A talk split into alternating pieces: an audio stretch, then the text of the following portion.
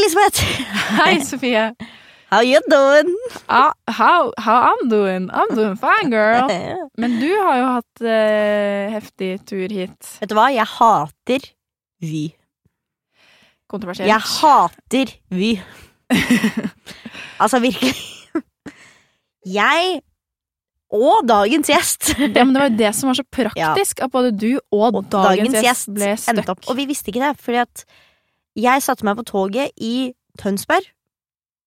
Fordi der kommer jeg fra. Jeg bor ikke der. Delvis, men ikke helt.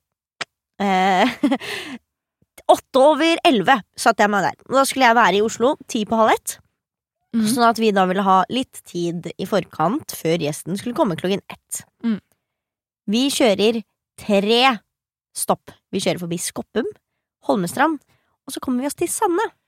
På vei inn på Sande stasjon! Da får vi beskjed om at dette toget er dessverre innstilt fordi det er flom i Drammen. Mm. Og jeg står der og ringer alle jeg kjenner for å bli kjørt inn, og får da etter hvert melding av dagens gjest om at Hei, jeg er stuck i Sande fordi at eh, toget er innstilt på grunn av flom i Drammen, så det er mulig jeg blir litt forsinka.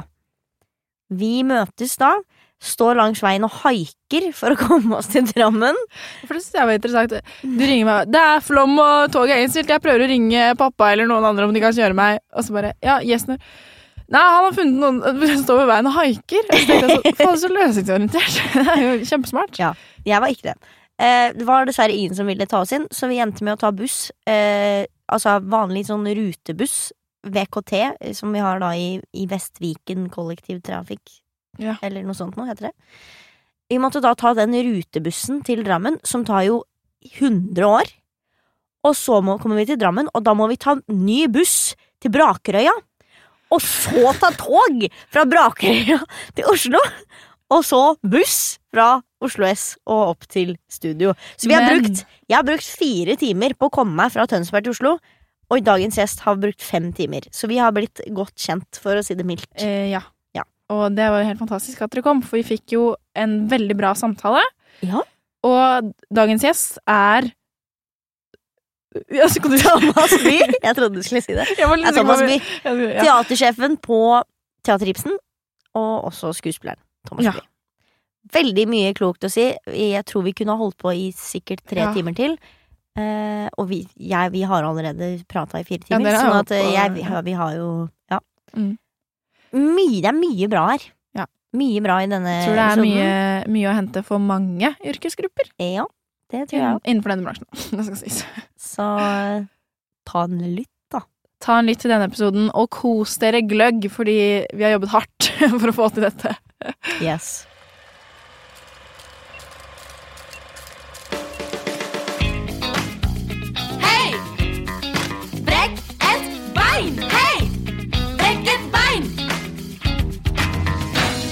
Hei!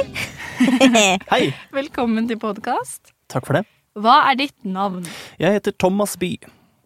Hvor kommer du fra? Jeg kommer fra det lille stedet Krokstadelva, som ikke ligger så langt fra Drammen. Ja. Ikke sant? Og hva er din arbeidstittel? Jeg er teatersjef på Teater Ibsen, som er regionteater for Vestfold og Telemark. Hei! Ja, Heia yes. Vestfold! Ja. Er, har du en person eller noe som har inspirert deg til å begynne med det du driver med? For du er jo også skuespiller, Det er jeg også. ikke bare teatersjef. Mm, jeg har ingen person som har inspirert meg til å bli skuespiller, nei. Jeg, jeg har, eh, jeg har elska teater hele livet, uten Mhm. at jeg helt vet hvorfor. Det begynte da jeg var veldig liten. Og jeg har- vil bli skuespiller siden jeg var liksom tre år gammel. Eh, og jeg kommer fra en vanlig arbeiderklassefamilie, ikke noe teaterfolk i min familie, så jeg vet ikke helt hvor interessen kommer fra, men den har vært der fra jeg var veldig liten. Og søkte meg inn på sånne audition-ting fra jeg var liksom ti år gammel, og var eh, veldig heldig og fikk lov til å være med på diverse sånne oppsetninger. Fra jeg var 10 til jeg var 16. Så begynte jeg på dramalinje, og så søkte jeg på teaterskole og kom inn på det, og fikk dermed være skuespiller, da. Ja. Så det, ikke sant? Ja, da kan vi egentlig bare fortsette der, da. Det tar oss videre. Eh, For du søkte deg på teaterskole, det KIO. Ja. Og du kom inn der Du var ganske ung, var du ikke det? Jeg kom inn mens jeg gikk på videregående, ja. Ja. Så jeg var Å, ja. 18 år. Så det ble ikke noe friår, var rett på KIO. Rett på KIO. Og det var sykt, for at da um, var jeg såpass ung at uh, det var sånn Altså min uh, Jeg kom inn Altså jeg fikk beskjed om at jeg kom inn på Da het det jo Statens teaterhøgskole, het det på den tiden. Mm. Uh, Det fikk jeg beskjed om dag én av dramaeksamen på dramalinja. Ja. Og dramaeksamen er at du lager en forestilling sammen med fire andre, eller et antall andre av dine medelever over to dager. Og første dag så fikk jeg da denne beskjeden om å reise inn til Oslo og alt mulig styr, ikke sant. Og ja, og da To dager etterpå så var det da visning av eksamen, og da var TV 2 og NRK og filma Å, eksamenen. Liksom, sånn live-opptak. Liksom sånn Det var rimelig sykt. Ja. Men jeg hadde en opplevelse som um, jeg på en eller annen måte har forsøkt å ta med meg, og det var det at um, da jeg skulle ringe, for dette var før mobiltelefonens tid, eller jeg hadde ikke mobiltelefon, da Ja. jeg skulle ringe til teaterskolen for å høre om jeg hadde kommet inn. ja, for Denne man måtte første- ringe. Jeg Ikke ringte. sant? Det var ikke noe liste da. Ikke, jo, det var det, men jeg var Ja, men jo i var jo ikke der, jeg var ikke der, så jeg kunne ikke se på den lista. Ja. jeg var opptatt med dramaeksamen, jeg. Så Ja. jeg tok sånn, nå, nå bare går jeg på og ringer og hører om jeg har kommet inn eller ikke, liksom. Ja. Og så gikk jeg på lærerværelset og spurte om jeg kunne låne telefon. Eh, Og da sa de ja, men det koster fem kroner. Eh, Ok, så betalte jeg fem Ok. kroner til en lærer. Og så ringte jeg eh, til skolen der, og så fikk jeg beskjed om at jeg hadde kommet inn. Ja. Og det, at, at jeg kom inn, det spredde seg som ild i tørt gress, som ja, man sier. På skolen. Sånn at det var bare noen minutter senere, så var det sånn der, løp folk ut i gangene, og det var stor ståhei, da. Var dette her sånn. Jeg spør meg ikke hvorfor. Eh, eller jeg kan si det var, det var første gang på 30 år at noen fra Buskerud hadde kommet inn på eh, Statens teaterhøgskole. Ja. Så det var sånn, Ikke ja. I don't know. Skapte var stor lokal lokal Og så var du 18, Og så var jeg 18. så det er jo Mm. Ja. Men det som skjedde etter da, etter at det spredde seg at jeg hadde kommet inn, så kom denne læreren, som jeg hadde betalt fem kroner til, han kom løpende bort til meg og ga meg de fem kronene tilbake. Og det har jeg Det reagerte jeg sånn øh, bare intuitivt på. Fordi hadde jeg ikke kommet inn, da hadde jeg ikke fått de fem kronene tilbake. Så at det umiddelbart så skjedde det en sånn forskjellsbehandling. Ja. Med en gang så Ja. forholdt man seg annerledes til meg Mm. enn om jeg ikke hadde kommet inn. Er ikke det rart? Det syns jeg var eh, på en måte litt trist. Ja. Eh, men som sagt, jeg som prøver å ha det med meg. At den derre um, For nettopp hadde jeg ikke kommet inn, uh, billedlig talt, da hadde jeg jo hatt større bruk for den femmeren. Ja. Skjønner, hvis du skjønner hva jeg, Ja. hva jeg mener. Ja. Så ja, ja, men det er jo interessant du sier. Mm. jeg vet ikke hvorfor jeg fortalte fortalte dette her.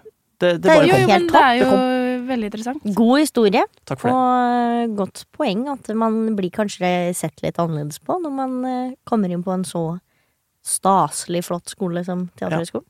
For etterpå så var det jo da dramaeksamen. Ja. Og da satt det jo en eh, sensor da, som visste at det var en elev som hadde kommet inn på Statens teaterskole, Det er jo juks! og som gjetta seg fram til hvem det var. Ja. Så liksom, Ja. ja. Det gikk skikkelig bra Ikke på den eksamen. trengte- Det gjorde det. det, gjorde det. Trengte ikke den eksamen der, Nei. egentlig. Neida, Men, neida. Eh, Ikke Ja. sant. men så eh, gikk du tre år der, og så hvor gikk veien videre? Da gjorde jeg et eh, valg som eh, jeg er veldig Det er mitt viktigste og beste valg etter eh, å ha gått på teaterskole. Det var at eh, jeg valgte å dra til Teater Ibsen i Skien. Ja. Kontra å dra til eh, et annet teater, eller to andre teater som jeg kunne reise til. Ja. Og det var fordi at jeg, jeg var ikke noe bra skuespiller. Oppi det, etter at jeg var ferdig utdanna. Jeg var en ganske middelmådig skuespiller. Så tenkte jeg at jeg, Eller jeg opplevde at jeg ikke eh, Altså, jeg hadde veldig mye igjen å lære, da. Og da så jeg for meg at det å reise ut til et lite teater, eh, der man sannsynligvis får større oppgaver, mm. hvor det er litt sånn annen type press enn det man kanskje opplever på Oslo-teaterne, Mm. Eh, Så det valgte jeg. Reiste til eh, Teater Ibsen under daværende teatersjef Inger Buresund. Som var en uh, omstridt eh, teatersjef, eh, men eh, som da tok meg inn på teatret og ga meg bare store roller. Jeg gjorde bare hovedroller uh, første da tre åra jeg var skuespiller.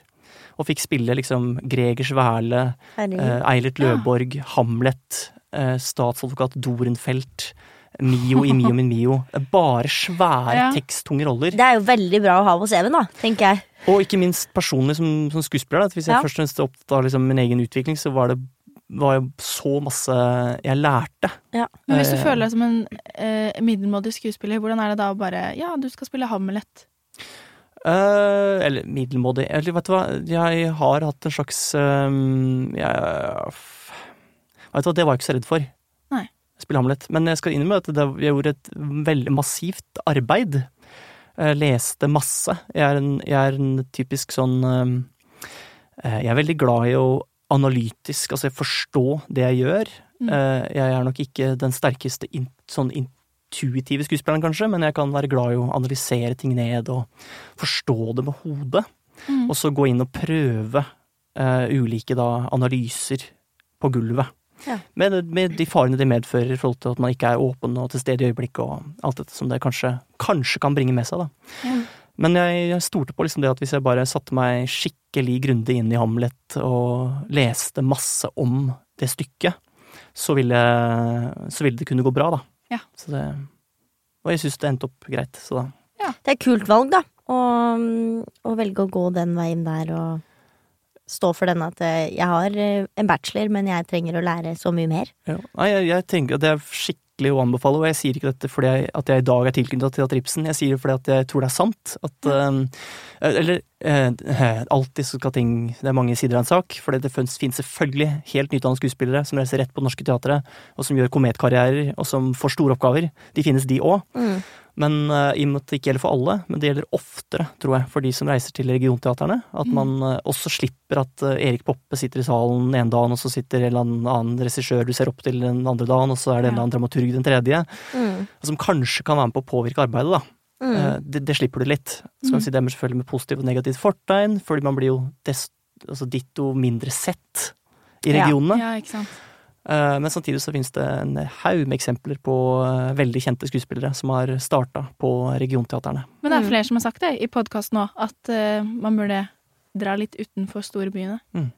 Og prøve Ikke å bare for å liksom jobbe der og få mer å gjøre, men bare også for å Etter å ha hatt tre år i storbyen, så er det fint for deg personlig å bare komme deg vekk. Mm. Og, Mm. Støttes. mm. Og jeg må si det at da bodde jeg i Skien, og jeg hadde ikke noe nettverk der. Så liksom det eneste jeg gjorde, var å jobbe. Ja. Og dette er litt sånn klisjé, men det var liksom sånn å være på prøver, gå hjem og spise middag. Så de dro jeg tilbake på teatret og spilte piano i, i, eller øvde på en monolog, eller Ja. Fordi at det, det, var, det var ikke noe annet å gjøre, på en måte. Ja. Og det var det jeg ville. Mm. Så den roen klarte jeg aldri å finne da jeg jobba i Oslo. Nei. Nei, Det er mye, mange distraksjoner, for å si det sånn. For du begynte å jobbe i Oslo etter at du da hadde vært på Teater Ibsen et par år. Det stemmer. Hvor Ja. endte du opp da? Ja. Og hvis du nå er inne i et slags sånn at jeg forteller historien min, er det vi, Ja. Ikke sant? ja. Ja. For, da kan jeg si det som skjedde som var veldig veldig viktig for min del eh, på Teater Ibsen, det var én var at jeg fikk lov til å sitte i Det kunstneriske rådet fra dag én. Yeah, Og det er da teatersjefens råd, der man diskuterer repertoar og ja, hovedsakelig hvem som skal gjøre det og sette opp og Ah, så gøy. Det var veldig bra, og det er ganske uvanlig at man får lov til å sitte i kunstnerisk råd med en gang. Ofte så skal man helst ha vært på teater i en periode. Men i og med at det er et lite teater, så var det en mulighet. Da kom jeg tett på avgjørelser. Tett på de vurderingene man gjorde som lå liksom over eh, det å på en måte hjemme bare være skuespiller. Det som, hva er et teater? Hva er et regionteater? Hva er oppgaven vår? Og så var jeg da en sånn eh, Jeg var rimelig arrogant type, altså. Jeg mente veldig mye om, om teater og hva som var riktige satsinger og hva som var en dårlig satsing og sånn. Og det, liksom, det resulterte i at eh, hun Inge Busund eh, Og jeg snakka med henne om det etterpå, året etterpå, at hun liksom Hun, hun fikk liksom nok av meg. Um, og da kom det til det punktet at hun lot meg på en måte være en slags teatersjef for et prosjekt. Ja. Hun lot meg bestemme én produksjon på Teater Ibsen, Ja. der jeg skulle finne skuespillerne, regissøren, scenografen, hele det kunstneriske teamet, og stykket. Og det endte da opp med en forestilling som heter Tilfellet Torgersen, som er basert på en tekst skrevet av Jens Bjørneboe i 1973, Ja. som handler om den mye omtalte Torgersen-saken. Som da ble starten på det som har vært da et livslangt prosjekt for meg, som er å sette meg ekstremt grundig inn i en rekke norske justismord og rettssikkerhetssaker. Ja. Ja. Som er min enorme pasjon, Ja. og som er grunnen til at jeg er teatersjef. ja.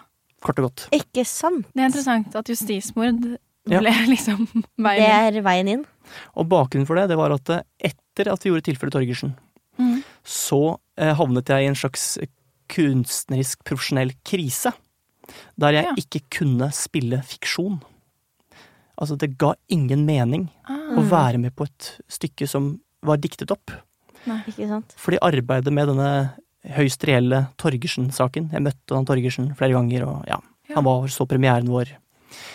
Eh, Jeg gravde meg ned i saksdokumenter, gikk rundt i gater i Oslo, oppsøkte åsteder og ja. Og fikk da på en måte sånn eh, innblikk i hva scenekunst kan være, og hva det kan være for meg som skuespiller. Og forskjellen på en måte det arbeidet jeg gjorde, la ned da, i tilfellet Torgersen, kontra alle andre prosjekter, Mm. det var en helt annen.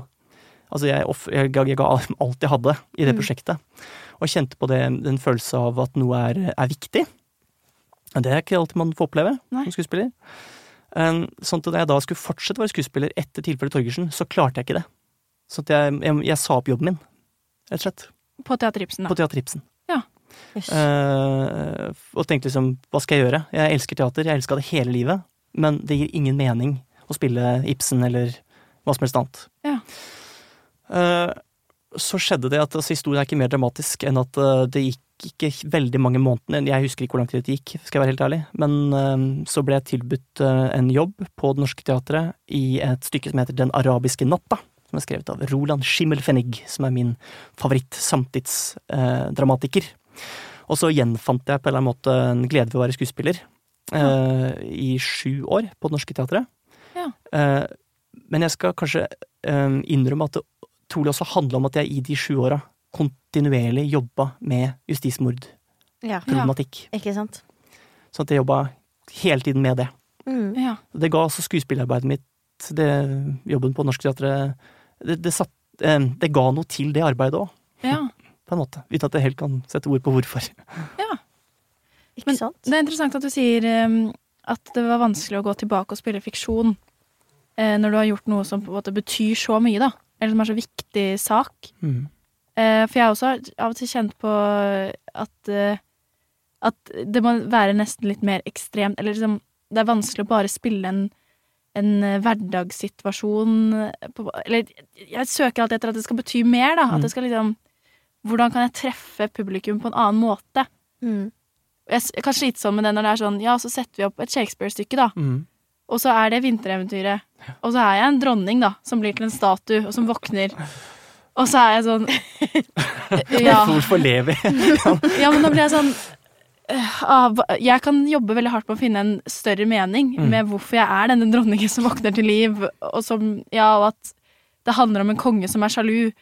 Men jeg, kunne ønske at det var liksom noe mer, da. Mm. Og det er derfor jeg er veldig glad i samtidsdramatikk, fordi det omfatter ofte ting som på en måte er kanskje litt mer aktuelt for meg, da. Mm. Det er litt mer relevant.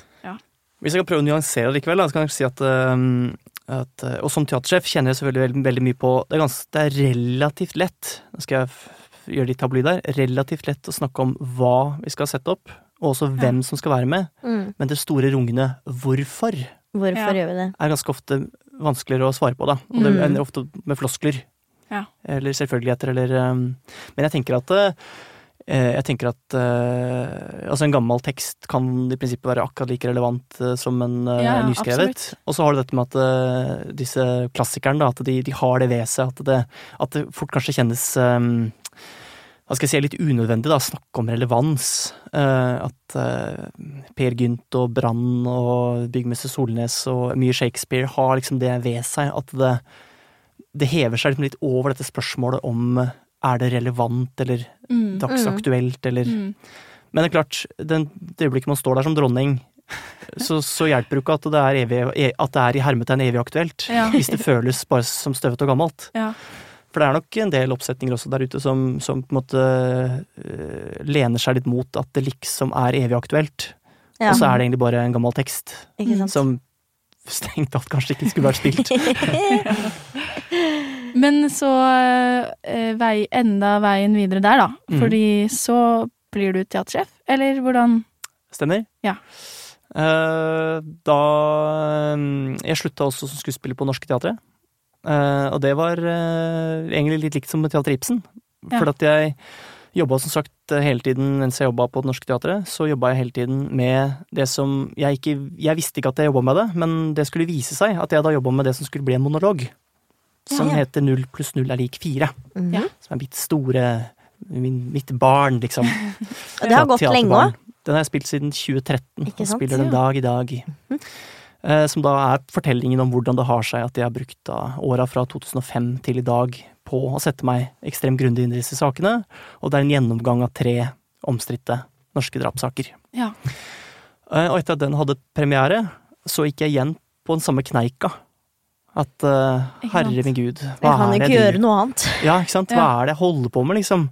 Og så begynte jeg å, å kjenne litt på sviktende motivasjon for å stå på scenen, og jeg følte at jeg hadde gjort masse musikaler, og, og det er ikke noe gærent med musikalene, men det de ofte har til felles, da, er at man spiller gjerne 100, 150, 200 forestillinger, Ja. og man, man blir helt sånn tappa av det, da. Og da skal man passe seg litt, for da sitter man liksom og har en sinnssykt lukrativ jobb som veldig mange skulle ønske de hadde. Og så sitter man og sier ja, det er så jævlig lite givende, altså, å jobbe med de musikalene. Det er så sykt slitsomt. Det er så slitsomt, eller det er så Ja. lite Jeg stimulerende, er så sykt lei av å spille Ja. den scenen nå. Men samtidig uh, Ja. Ja. Man blir jo det. Og, og greia er at det, det ble også såpass liksom presterende, eh, presserende for meg, dette med at, at, at, at jeg nettopp gikk med den der manglende motivasjonen, da. At jeg tenkte bare at det, det er nytteløst at jeg skal gå rundt på norske teatre. Et sinnssykt bra teater. Fantastisk arbeidsplass. Å være sånn halvveis motivert, liksom. Mm. Det går ikke. Og når jeg i tillegg liksom er i ferd med å betvile litt eh, om jeg kan være skuespiller, liksom, eh, så tenkte jeg da må jeg, da, da må jeg gjøre noe. Så jeg søkte om permisjon, eh, og så fikk jeg ikke Ja. det. Um, Jeg hadde fått det to ganger tidligere, skal sies, men jeg fikk det ikke da. Og da gikk jeg, var jeg på prøver, gikk jeg inn i en lunsj og hadde møte med sjefen, og så gikk jeg ut igjen uten jobb. Altså Da skal jeg fullføre det prosjektet, Og så var ferdig. var jeg ferdig. Ja. Så det gikk ut i det store intet. ja. Så at de søkte teatersjef eh, på Teater Ibsen. Jeg hadde fulgt teater da fra jeg hadde slutta der. Ja. I 2007 hadde jeg fulgt teatret ganske tett, Mm. og opplevde at eh, Eller tenkte at jeg hadde noe å mm, bidra med til det teatret. Ja. Så derfor så søkte jeg på den stillingen, og var da så heldig at jeg fikk den. Jeg så at de søker ny teatersjef nå. Det gjør de. Skulle bare se på jobb på Finn, og så var det sånn Ah, teatersjef! På Jøss, Yes. kanskje jeg kan Kanskje søke det- på det? Kanskje det jeg skulle? Jeg skal gjøre det, jeg er nyutdannet skuespiller. Hopper rett i den. Ja, ja. Jo, jo. Ja, men, eh, men Og da bare kastet du deg ut i det? Uh, ja. For du visste jo sikkert ikke helt hvordan du skulle eh, gjøre sånt. Jeg har aldri vært leder for noe som helst. Nei, ikke så, sant. Bortsett fra den ene forestillingen, da. Bortsett, ja, ja, for så vidt. Der var du det. Ja. Det var jo en regissør der da, så det, ah. så fort liksom tok ledelsen. Så at, men det, det var veldig tøft gjort det av teatret der å, um, å satse på meg. Det var slett ikke noe opplagt valg i det hele tatt. Eh, jeg kjente jo de som jobber på teatret, veldig godt. Ja. Så at, eh, de tenkte vel kanskje at eh, Jeg hadde diskutert ganske mye egentlig med mange av dem i tida imellom. Hva, liksom, hva man burde gjøre på Teater Ibsen. Og, Mm. så derfor Ikke sant? havnet jeg der. Spennende. Hva, hva blir hva er veien videre etter det? Vet du det? Eh, ja, det er noen muligheter i hvert fall som ligger uh, der framme. Men eh, jeg skal ikke si noe konkret om det helt enda. Men nei. det er noen ting som kanskje ligger der framme. Litt hemmeligheter. Litt Litt hemmeligheter. Ja. Sånn er det. Ja. Men, men tenker du Kan du tenke deg å fortsette videre som teatersjef andre steder? Eller, eller vil du tilbake som skuespiller litt nå, eller? Eh, jeg kan godt tenke meg å være teatersjef, jeg, men da må jeg være den rette for den jobben. Og Ja. akkurat nå så vet jeg ikke hvilket teater det er. Nei, ikke sant. Sånn at, eh, Derfor så søker jeg ikke heller på Eller har jeg ikke søkt på noen andre stillinger sånn Nei. på det. Men kunne du tenkt deg å være regi, da? Uh, ja og nei. Jeg har fått voldsom respekt for regissøryrket. Enda mer etter at jeg ble teatersjef, og sett Ja. det arbeidet på enda tettere hold. Ja. Og jeg veit at uh, de gangene jeg har regissert noen, så er det sånn at jeg stort sett Jeg klarer ikke å forholde meg ulikt til ulike skuespillere. Jeg snakker til alle helt likt, og Ja. det er kun med negativt fortegn. For skuespillere har gjerne dette felles at de, de kommer lengst hvis de blir snakket til på riktig måte. Ja. Så det er nok en av, en, en av de store manglene jeg har som teatersjef. Og så eier jeg ikke tålmodighet. Sånn at jeg ville forventet resultater altfor kjapt. Ja. Mens de beste regissørene ser de er ekstremt tålmodige. De ser nøyaktig det samme som meg. De ser at den scenen der, den henger. Den skuespilleren der veit ikke hva han driver med den scenen. ja. Men de vet at de ikke må ta det med en gang. Nei, ikke sant. Ikke sant. Så Mm. Det å jobbe som teatersjef, har det gitt deg noe spesielt som skuespiller, føler du? Eller? jeg har lært masse om det å være skuespiller, av å være teatersjef. Og sett eh, hvordan skuespillere kan, kan Nå snakker jeg veldig generelt, men de kan ha det med å lulle seg inn i en følelse av at eh, akkurat det de gjør, er det aller viktigste til enhver tid som skjer på scenen. Mens det forbausende ofte, forbløffende ofte, så er det helt andre ting som er i spill når en forestilling eh, på en måte fungerer eller ikke fungerer, da. Og at eh, det er veldig sjelden det faller ned på én enkelt skuespiller eller detaljer. Eh, som hva man har på seg, eller eh, ja. Ja. Og det er ikke sånn eh, Altså, jeg tenker Man skal ha respekt for det. Jeg tenker at Det er masse, det er masse verdi som også kan ligge i at skuespillerne stiller krav, og at de ønsker å bli pusha og altså Misforstå meg rett, liksom. Men, men eh, de der store løftene som en forestilling nesten alltid får siste uka, liksom, det har veldig ofte med ting som er rundt skuespillerne å gjøre. Og som selvfølgelig også bidrar til at skuespillerne kan få, eh, få eh, det de jobber med, da, på en eller annen måte. måte. Ikke sant? Ja, det er ofte at eh, eh, Eller jeg, jeg har veldig sånn at med en gang kostymet er på plass, og scenografien og lyset Mm. Men jeg får lyset, så er det sånn ah, Nå skjønner jeg stemninga. Mm. Det er sånn rødt lysstemning. Da skjønner jeg nå. Ok, ja. Jeg pleier ofte å tulle med det hvis jeg ser veldig dårlige prøver. Hvis jeg får satt noe lys på det her, så det er rart at det ofte nesten, nesten, nesten ja er litt sånt, ja. ja. Det skjer noe med innstilling til alle, ikke sant. Ja. Mm. Og så blir de proffere med en gang. Ja. Blir sånn, Ja. Nå er lyset her, Ja. så nå er det i gang. Det er liksom, nå er det på alvor. Nå må vi, nå må vi gjøre det ordentlig. Nå Ja. kan vi ikke gjøre det sånn halvveis lenger. Man føler at, uh, at man er på vei, ikke sant. Føler at du har et produkt Ja. mellom Mm. hendene. Ikke Det tror jeg veldig mange har bruk for. Ja. Den følelsen. Jeg vil uh, innom eh, en liten uttalelse som du gjorde i en Hva skal man kalle det? Live-podkast. eh, Live samtale av noe slag. Som har blitt til en podkast som heter Soria Lausprat. Hvor du og Erik Ulsby og eh, en fra Wenche. Wenche fra Riksteatret Ja. var og svarte på spørsmål på dette hvordan For det er jo det store spørsmålet for alle skuespillere. Mm. Hvordan er det man Hvordan skal jeg som nyutdanna skuespiller få jobb Mm. på institusjonsteatrene? Der har du noen meninger som jeg veldig gjerne vil at du skal dele. Ja. Så hvordan, hvordan får man den jobben? Ja, nei, det, altså dette er jo så sammensatt og vanskelig eh, tema, for det er så ulikt egentlig fra produksjon til produksjon, og mm, i den podkasten så snakker vi kanskje om litt ulike ting. Eh, Jeg la veldig vekt på um, eh, Altså i min sjefsperiode så har det vært Jeg har hatt flere auditioner. Noen har vært lukka, altså jeg har invitert inn skuespillere, fortrinnsvis skuespillere jeg ikke har sett før. Ja. Eh, Noe har vært eh, en blanding. Skuespillere jeg har sett før som jeg tenker kan passe, og andre. Og så har jeg hatt en helt åpen. Skriv en søknad om å, å få jobbe som åremålsstilling som skuespiller på, på Teater Ibsen. Og til den siste så kom det nesten 300 søknader.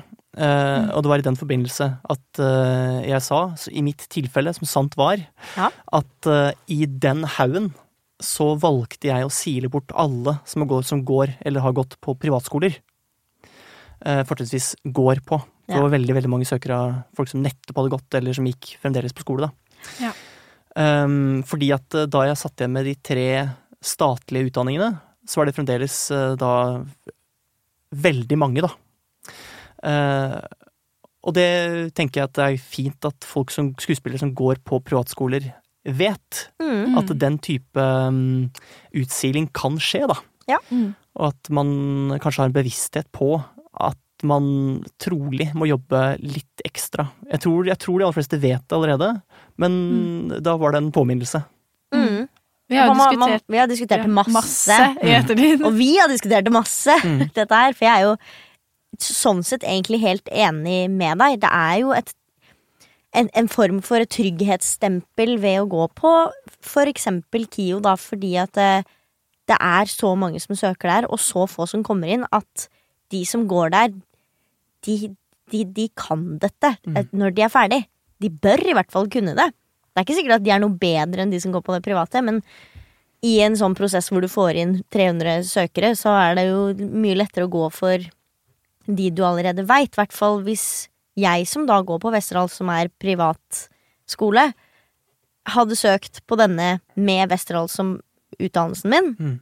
Og så hadde ikke du fått muligheten til å se meg en eneste gang, Mm. så er det jo dødsskummelt for deg å velge meg. Mm. For du aner jo ikke hva jeg Du vet jo ikke noe om hvordan Westerdals Hvordan vi jobber der, hva lærer dere, hva, hvordan ser timeplanen ut, hva produserer dere, Mm. og hvordan er du på scenen? Har ikke peiling. Så Og, derfor så beveger også den diskusjonen seg, den på Sorelab, seg fort til mulighetene for teatersjefene til å reise og se de ulike skolene, ikke sant. Mm, For det blir så fort sånn praktisk, ikke sant. Og så sier jeg det, det har ikke jeg muligheten til. Og så kan man havne i en Facebook-diskusjon og så jo, det kan du. Og så kan jeg si nei, det kan jeg ikke. Og så, sånn kan man ha det gående, da. Ja. Og så selvfølgelig, på en måte så kan man få til absolutt alt. Og hadde jeg jobba 24 timer i døgnet, så kunne jeg sikkert flytta et møte til nattestid, og så kunne jeg reist og sett. Men, men virkeligheten, da, er at mm. Og det er så mange innbydelser hele tiden. Til alt fra ferdige forestillinger til prøver til da skolevisninger, da. Mm. At, eh, og jeg bor i Skien, og, og jeg skal eh, ivareta et eh, teater som er un- underbemanna. Og Ja. mm. det er en, mildt sagt en full jobb, da, å være Mm. teatersjef i Skien, for min del. Mm.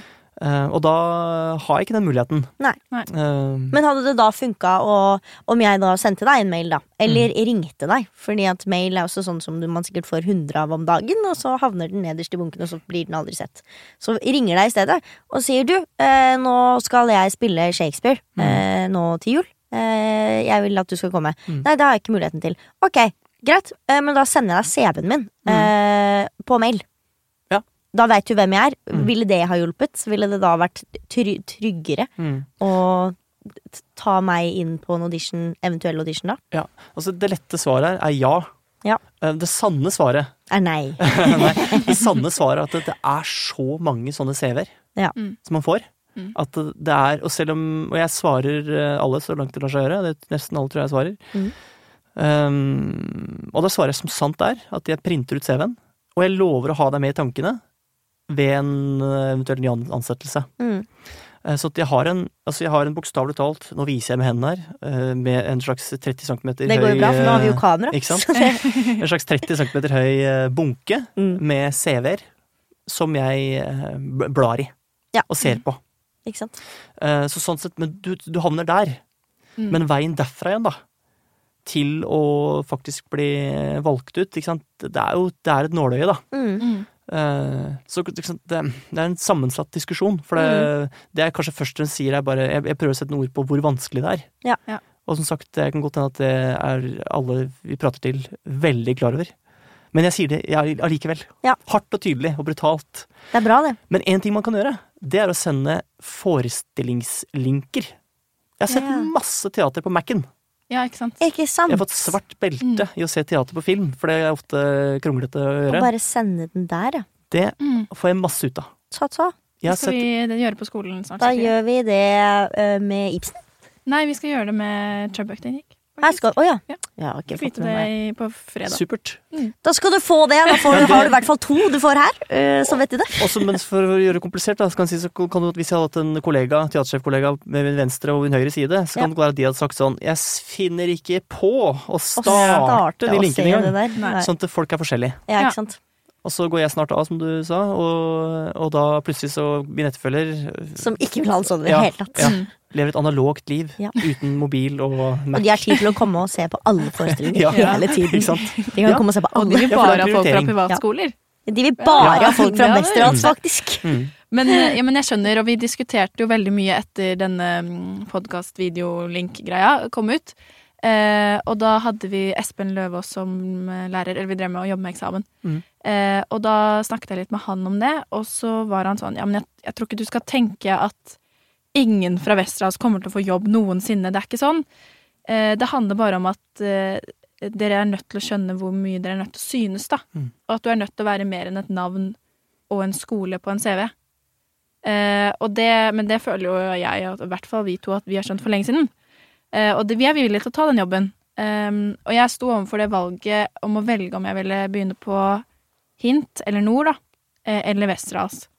Og jeg valgte å begynne på Westerdals, for det var Og det, ja, så ja, det er studielån, og det er jo helt håpløst, det. Men for meg så ble det sånn Jeg vil gå på Westerdals fordi det er den skolen jeg føler at har den teknikken som fungerer best for meg. Også fordi at jeg har lyst til å gå på skole et sted hvor jeg kan også lage ting, masseprodusere ting på siden, som jeg også har fått gjort. Eh, og eh, jeg har ikke lyst til å bare være skuespiller. Eh, så, og vi har jo da fått mulighet ha valgfag, praksisperiode. Du har vært på Det Norske regiassistent, mens jeg har hatt novellefag. Eh, blitt bedre på å skrive. Eh, og jeg har også fått muligheten til å ha regi på stykker som vi har laget selv. Eh, utenfor skolen, som jeg syns er like viktig, da. Fordi når man skal levere denne CV-en, da, så er det sånn Jeg går på Westerdals, men jeg har også gjort disse 40 prosjektene på siden av min treårige skolegang. Mm. Eh, og så i tillegg, for meg, så har det vært viktig å ha eh, For det kjente jeg på da jeg var på opptaksprøve oppe i Verdal der, eh, at eh, hele dette med at du er der i tre år, og det er et konsentrert miljø, og man kan jobbe aktivt med teater eh, jeg, Først så jeg på det som noe kjempepositivt, og så skjønte jeg at for meg så tror jeg ikke det er eh, riktig, fordi jeg trenger det avbrekket innimellom. Eh, og jeg jobber som støttekontakt, og det er bare så utrolig deilig å bare eh, møte et menneske som bare kunne, brydd seg mindre om skuespill, og som på en måte minner meg på at dette er også et liv. Em, så sånn sett er jeg veldig glad for at jeg går på Westerdals, men da var jeg også sånn, vet du hva, jeg må jobbe hardt. Drithardt for å bli sett.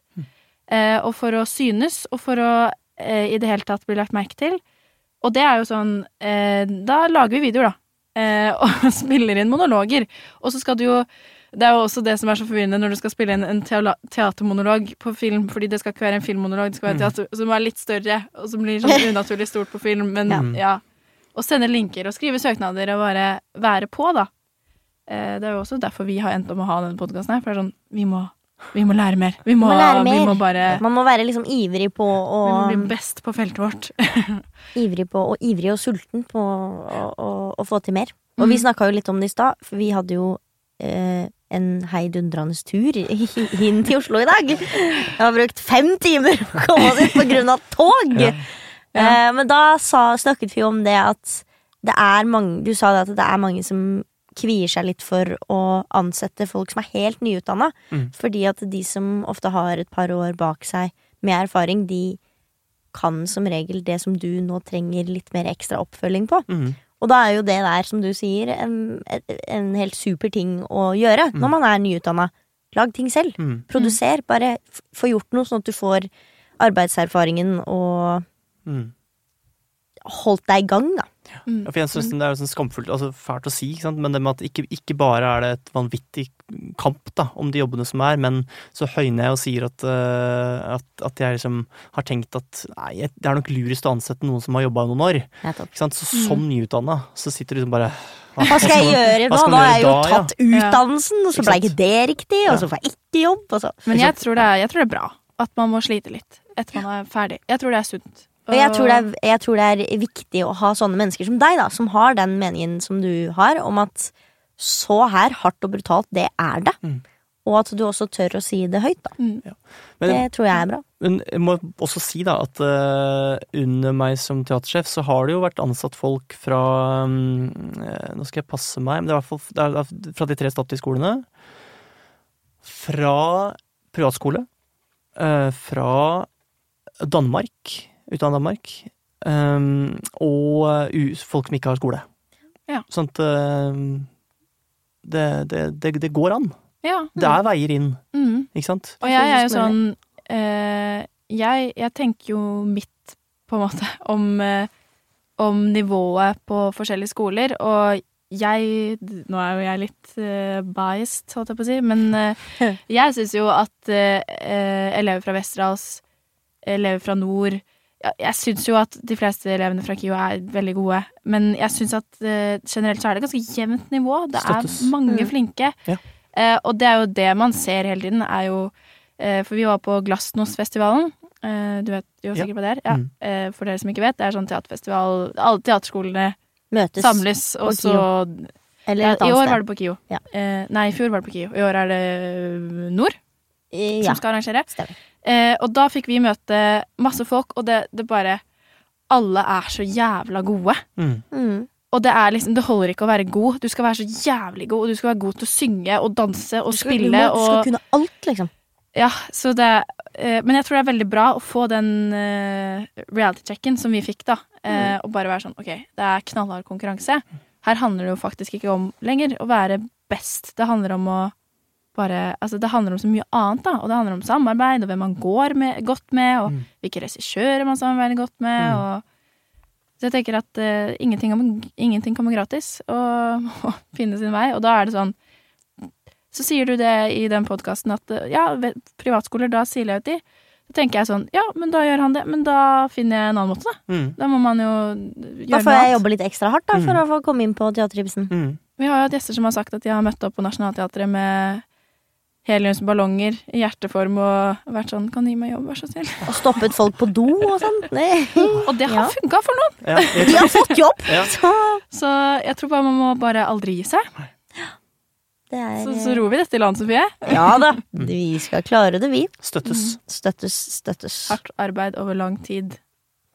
Bare sånn, siden du er en mann med, med meninger, og du tør å si, si ditt, så skal jeg bare være litt ekstra Pirke litt ekstra. Bra. Uh, er det noe i den norske liksom, kulturbransjen som du føler at ikke helt fungerer? Oi, oi, oi. Det er kanskje et veldig stort spørsmål. Nei, men, eh, jo, det er veldig svært, ja. Eh, Det er, svaret er jo helt sikkert ja. Jo, ok, nå skal jeg ta stort, stort perspektiv først. Mhm. Jeg opplever at uh, det er for liten diskusjon uh, oss teaterledere imellom om hvordan vi forstår mandatet som vi har, eller blir gitt. Altså, vi får penger av Kulturdepartementet for å lage teater. Mm. Og hvordan vi liksom forstår hva det mandatet innebærer. Den samtalen, den savner jeg veldig. Ja. Og tok det opp på et stort, stort sånn treff som vi har noen ganger i året. Så møtes alle teatersjefene og direktørene og diskuterer ulike problemstillinger knytta til norsk teater. Eh, Dette med for eksempel, er det institusjonsteaterens oppgave å bidra til utvikling av scenekunsten? Eller er det ikke det? Ja. mm. Det er et veldig, veldig viktig premiss. Ja. Og skal man gjøre det om man er et bitte lite regionteater? Eller er det forbeholdt de store institusjonene, de som har muskler, de som har disse tre-fire scenene som de kan Mm. liksom plassere ut forskjellige prosjekter, som kanskje, kanskje man i utgangspunktet tenker ikke når de store publikumsmassene, men som kan, potensielt kan være med på å bringe norsk scenekunst videre, da. ja. Fordi at eh, som teatersjef på Teater Ibsen, så har jeg jo hatt det ganske langt framme i panna, da. Dette med ønsket om å, mm, i mitt tilfelle, ønsket om å liksom gi regionen teater de kanskje ikke har sett før. Mm. For eksempel så, sant, dette begynner å bli gammelt, men du har en enorm postdramatisk bølge som har skylt over Europa, og det har sikkert vært de siste 15-20 åra. Mm. Men det har til dags dato ikke vært satt opp et postdramatisk teaterstykke på Teater Ibsen. Nei. Så derfor så satte jeg opp et posttraumatisk teaterstykke. Mm. Eh, Med alt det medførte av folk som sa at de ikke skjønte noen ting, og hva er dette rare greiene, ikke sant? Ja. Eh, Eller å bringe inn eh, det tyske regiteatret til Skien, ikke sant? Mm. Som man heller ikke har, har hatt, da. Og så er spørsmålet, bommer jeg da? Eller er jeg da helt på merket i forhold til Ja. de pengene som Teater Ibsen får? Fordi publikumstallene, de svarer jo sjelden til den kunstneriske satsingen. Ja. Men også er det veldig svart-hvitt der. ja, Men ja, men ja. skal vi si det? Hvis Ja. jeg skal bli grovt sagt, at Ja. de forestillingene som trekker flest folk, de har det til felles at de ikke bidrar til utvikling av scenekunsten. Ja. De gir Kommersielle ja. ikke sant? De gir deg tvert imot det, det, du- det kjente, det du forventer å få. Ja. En Det som du underholdningsmusikal, for eksempel. liksom. Ja. Ja. Og bryter du med forventningen, da vil du mest sannsynlig uh, skuffe publikummet ditt. Ja. Så derfor så Ja. gjør du ikke det. Men for at Teater Ibsen skal kunne stå i en sånn prosess, Ja. så føler jeg at jeg er helt avhengig av at, eh, at Nordland Teater, at Teater Innlandet, at Agder Teater, at alle bidrar til det samme. Ja, Mm. de også gjør det, At de liksom. også gjør det. Mm. Jeg ønsker jo at teaterne i større grad skal være i samme båt. Mm. Det betyr ikke at vi skal programmere likt, for det gjør vi allerede. Men det betyr at vi har et, en felles forståelse av, det av mandatet. Mm. Mm. Så det er en, det er en sånn stor kulturting som jeg er, eh, er Ja. veldig opptatt av. Men det er interessant at du Ja. sier at dere diskuterer, diskuterer det på møter. Fordi det har jeg tenkt så mye på sånn Fordi jeg så en forestilling da, et, et jeg. Sånn Lille Eyolf tysk eh, Ja, Ja, hva det sier var du lille da? ja. Jeg skrike, tysk skriketeater. Hva var det, hva var ja, det? Ja. Ja. Og så var det ferdig, og så var jeg sånn Ja. eh, men så tenkte jeg sånn, så bra at vi har litt sånn tysk inn her. Det er noen som gjør dette òg, liksom. Ja, og så tenkte jeg sånn Hadde pappa sett dette her, så han hadde ikke sett det, på en måte. Han hadde vel gått. Ja. Ja. Eh, for det er ikke hans teater. det Men mamma i mamma hadde sikkert sett nyansene og vært sånn Å, men dette er jo en Dette del av en prosess. Og, Mm. Eh, men, men det er veldig interessant, for jeg har vært sånn Jeg tenkte på det, for det, jeg lurer, lurer på om det var samme regissør som satte opp avgangsforestilling på KIO. Jeg husker, ja. Eh, og da var jeg også sånn Ja. Eh, og så snakket jeg med hun ene som spilte i det, og hun var sånn Ja, det er jo veldig slitsomt, men det er jo interessant. Vi må jo også gjøre dette. Mm. eh, for å prøve å provosere fram. Mm. Eh, eller prøve framover Mm. kunsten. Eh, og da ble jeg sånn Ja, jeg er glad for at jeg så det. Jeg er glad for at jeg gjorde det. Og Ja, det er bra. kanskje man ikke liker det, men vi må gjøre det likevel. Og det er sånn, også fysisk teater. Vi har en hel skole som lager fysisk teaterskuespillere. Ja. Hvorfor, hvorfor er det ikke mer Lag Bonhomie? mer fysisk teater. Ja. Bonhomie er dritgøy! Ja. De der forestillingene er helt rå. Jeg er sånn, hvorfor Og den evnen til å jobbe i kollektiv som jeg opplever at eh, de som går på Nord eh, har, da, Ja. den, det utnyttes jo heller ikke på eller på teaterne. Det, det har ikke nådd teaterne, kan vi si på en eller annen måte. Mm. Eh, Men når det gjaldt hun tyske Hun heter Silvia Rieger, heter den tyske, Ja, tyske regissøren. Ja. Eh, Det var veldig fascinerende, for vi hadde leseprøve da, på, på Lille Eyolf, som hun satte opp eh, i Skien. da. Og da, normalt så snakker jo regissøren ganske mye og forteller litt om prosjektet og sånn. Eh, Ja. Hun ville bare si én ting før alle skulle gå, og det var The actor has to be like a hippopotamus. Stupid and extremely dangerous. det er som hennes inngang. Ja. var at skuespillerne, Hennes jobb var å forvandle skuespillerne til flodhester. Som Ja. kan stå helt stille og se på dem med det dummeste blikket i hele verden. For så plutselig å bestemme seg for å løpe deg ned. Trampe deg i Ja. stykker. Det er som hennes inngang, da. Ja. Og det sier jo litt, da, om eh, måte hennes teatersyn. Ja. Og det, det prega også forestillingen uh, i aller høyeste grad. Ja. Men det, det må si at vi hadde nettopp hatt en gjennomgang nå. Vi jobb, for tiden så jobber vi med Villanden av Henrik Ibsen. Et rettsdrama, bearbeidet av undertegnede, naturligvis. Klint inn justismordtematikker i. Ja. Nei, men da, da hadde de en gjennomgang, og da liksom da jeg gjorde notater, så noterte jeg um, uh, Alt er ti ganger så viktig. Uh, avgrunn! Utropstegn. Silvia Riger! Utropstegn. At hun på en måte, for meg, da har blitt et sånt eh, eks eksempel på en eh, fullstendig kompromissløs kunstner Ja. som eh, driver skuespillerne ut i ting de ikke ante de kunne gjøre.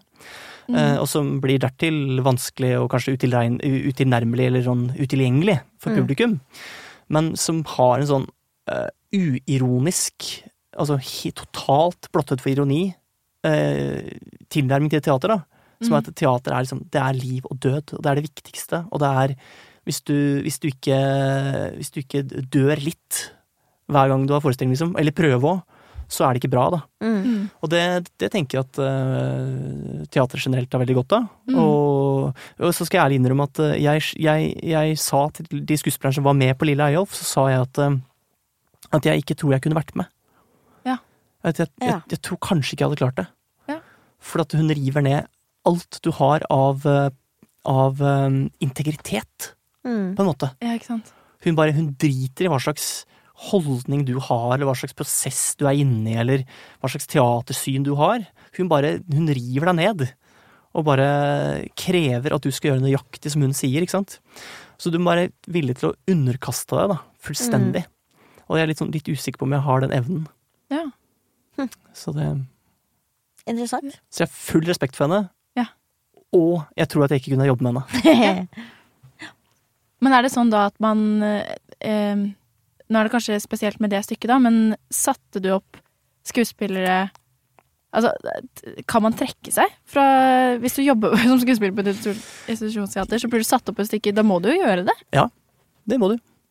Eh, kort og godt. Og de led jo. De hadde det forferdelig vondt. Ja. Eh, ingen tvil om det. Men, eh, men alle, alle skjønte jo også at det bare var til det beste, og de opplevde jo at de fikk være med på noe som var helt spesielt, da. Mm. Og det oppsto en sånn eh, en helt uh, uvanlig sånn uh, gruppe, eller følelse av gruppe, da. De var, Ja. de var virkelig en gruppe Mm. som sto, liksom sto i det sammen. Mm. Uh, så ingen trakk seg der. Nei. Men der satte du på spor av uh, en annen uh, ting jeg har erfart som teatersjef. Når det gjelder kanskje sånn spørsmål om kulturfeltet. Som er dette med at jeg, jeg da jeg havna på teatersjefsiden av bordet, ikke skuespillersiden, Ja. så ser Så igjen eh, litt tabloid, men jeg har inntrykk av at uh, skuespillernes eh, rettigheter er sterkere enn arbeidsgivers. Å ja. Og nå får jeg sikkert kjeft av Skuespillerforbundet, men jeg er mer enn klar for å ta en diskusjon med Skuespillerforbundet om dette her sånn. Ja. For jeg har da som teatersjef opplevd flere ganger skuespillere som trekker seg fra produksjoner. Eh, noen så kort tid før premiere at vi måtte flytte premierer. Oi. Ja. Og det kan ikke arbeidsgiver gjøre. vi, Jeg kan ikke liksom plutselig si sånn Du, den jobben du fikk, eh, sorry. Vi har funnet en som er bedre enn deg. Arendal Torp ringte. Ja, Hun trekker med folk, eh, så sorry. ja, Mens sant. det skjer fra skuespillersida. Ja. Det- jeg har fått en annen jobb. Det er så rart. Jeg, jeg, for meg er det veldig, veldig rart. Hvis du har en, en stykkekontrakt, Mm. Så har du jo den stykkekontrakten Har du signert den kontrakten hvor du da er sånn Ok, jeg skal ha prøver i to måneder, så skal vi spille i seks måneder etter det. Mm. Da, er, da er det jo det du skal gjøre. Ok, da kan du kanskje gjøre noe på dagtid Mm. i spilleperioden, men i prøveperioden så har du, da er det to måneder hvor det er det du gjør. Neida. Det er, jeg syns det er så rart. Og hvis jeg sier at det er 10-15 kanskje i løpet av fire år som har trukket Oi. seg, så um, Men Som da, et eksempel. men da trekker de seg. Da er det, da er de slutter de? Ja, Eller? ja, da er de Ja. ute av produksjonen. Ja. Og så må man løse det, ikke sant. Eh, og Ja. da, også en annen ting er også at eh, skuespillere i veldig stor grad altså Teateren legger jo voldsomt til rette for at skuespillere skal, skal kunne gjøre sideoppdrag. Og man føler seg, eller blir sett på Mm. som litt vrang hvis man ikke legger til rette for det, for permisjoner. Mm. Uh, og igjen så andre veien, hvis jeg sa sånn du, nå er det to uker her hvor jeg ikke har noe jobb til deg i dette åremålsstillingen. Det er helt uaktuelt at vedkommende ikke skal få lønn i de to ukene, ikke sant. Det er helt uaktuelt. Ja. Men at den samme skuespilleren skal kunne få permisjon og jobbe noe helt annet i to uker, Det, det, er- det, er det skal være liksom- greit. Det skal være greit, ja. Ja. Sånn at eh, jeg er skikkelig klar for på et eller annet tidspunkt da, å ta en sånn diskusjon med Skuespillerforbundet, eller si det fra arbeidsgivers ståsted, da. Mm, Og ja. så tenker jeg at det ikke er dumt at jeg er skuespiller i bunnen. Nei. Og da kan jeg altså si jeg, jeg opplever Jeg ser på meg sjøl som en skuespiller som er teatersjef, Mm. ikke som en teatersjef som er skuespiller, for jeg er skuespiller i bånn. Ja. Det er det jeg kan. ja. Sånn at eh, det er egentlig en- det er en skuespiller som snakker. Ja. det er bare en skuespiller som har sett hvordan det er fra arbeidsgiversida. Ja. Man skulle jo tro at folk var litt Eller det er jo, det er jo vanskelig å få fast stilling, og i hvert fall jobb på teater. At man skulle tro at folk var litt mer sånn Ja. Jeg satte mer pris på Men det er vel kanskje hvis du på en måte Ja, ok, du tar den jobben på det teatret fordi at du har jo lyst på den jobben, og du har Mhm. jo lyst til å gjøre det stykket. Men så ringer de fra NRK og sier hei, du, eh, vi har en dramaserie. Ja, Eh, sånn- vil sånn, du ha hovedrollen? Nå kaster jeg gjerne en brannfakkel. Da- Se på de siste som har blitt ansatt på de store teaterne, fast ansatt, og se hvor mange av dem som jobber på teatret. Ja. Ja. Den brannfakkelen kaster jeg gjerne ut. det er liksom det øyeblikket ja, du er har fått Det er- men, ja, det er et godt poeng. Ja, det øyeblikket du får en fast ansettelse, så har du, der, har nettopp muligheten ikke sant, til å søke deg vekk til permisjoner, og så skjer det. Mm. Så da, og de som er fast ansatt på de store teaterne, er ofte attraktive, for bare det å ha den posisjonen kan Mm. være bidra til at du kan bli sett, da, på en Ja. måte. Mm. Sånt, eh, og hvis man da setter opp Hakebakkskogen, det er jo kunstnerisk fort veldig interessant å være med på, Ja. så da tar jeg en liten permisjon. Ja. Ikke sant? Sånn at eh, da jeg, min, da jeg var ansatt på Norske Teatret, så uttalte jeg meg fort, litt sånn kritisk til de faste ansettelsene. Ja. Eh, Noe som ikke var veldig populært. Fordi man, da snakker man om ja, men vi må ha et ensemble. Så jeg ja, men jeg har vært åremålsansatt. Mm. Er det noe jeg virkelig er kjent på, så er det jo et ensemble mellom oss som har jobba i samme prosjekt over lang tid og Ja. sånn. Mens hvem som er fast ansatt, hvem som er på stykkekontrakt og hvem som er på åremål, Det, det har ofte vært helt sånn ja, usynlig for meg. det spiller jo ikke noe Det er veldig sjelden faste spiller sammen. I- Ikke Altså, sant? det, er, det, er ikke, det, er ikke noe liksom, det er ikke noe sånn derre Det at du er fast ansatt gjør at du er et ensemble. Det er ikke nødvendigvis For det er, det er ikke det som definerer et ensemble. Et ensemble er jo hvilken grad du har evnen til å jobbe sammen, høste erfaringer over tid, Mm. alt dette, da. Sånn at det- Eh, Nå har jeg igjen som teatersjef har jeg fått ulike meninger om dette med faste ansettelser. For eksempel et lite teater som Teater Ibsen kan for eksempel kanskje ha godt av å ha noen fast ansatte skuespillere som kan på en måte bringe med seg en historie. Teaterets historie over flere år. Ja. Så det er mange ting å si om dette her sånn.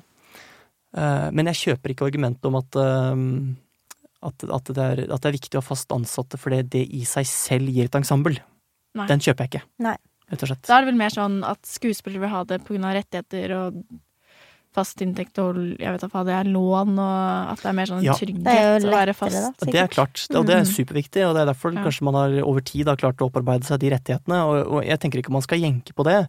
Og nå er det sånn at uh, de store teaterne har jo en fast eh, antall um, fast ansatte de skal ha, må ha, ja. til hver tid. Ja. Og det tenker jeg er helt riktig.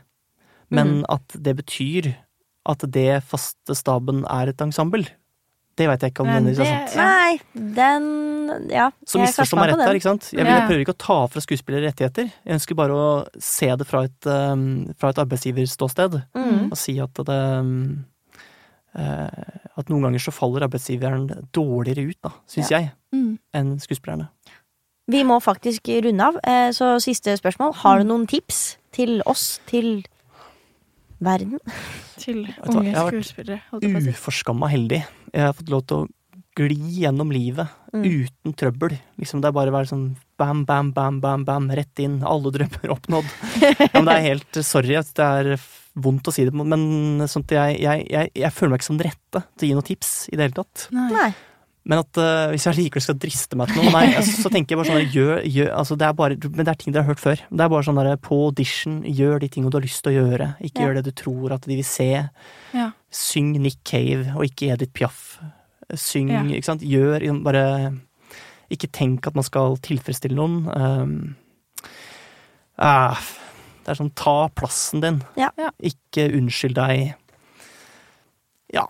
Det er Det- gode tips, det. det Og fra teatersjefen sitt perspektiv så er det vel kanskje tipset, beste tipset er vel å være veldig på? Være på- Eh, absolutt. Være på ballen? Eh, absolutt. Eh, ikke nøl deg med å sende en mail og ta en telefon og sende en videolink i det hele tatt. Det er liksom litt jobben også til teatersjefene, er jo strengt tatt å henge med på det som skjer i feltet. Ja. Mm. Og jeg får ofte dårlig samvittighet, snarere for at jeg ikke henger med, ikke sant. Eh, Mm. Snarere enn at jeg tenker sånn åh, det er altfor mange som ringer meg. Så tenker jeg snarere at eh, jeg tenker jo at eh, det er så altfor mange jeg ikke vet hvem er. Mm. Sånn at eh, absolutt. Ta kontakt. Ja. Perfekt. Tusen, tusen takk for at du kom. Ja, Takk for at du kom tusen kom. takk for at du kom.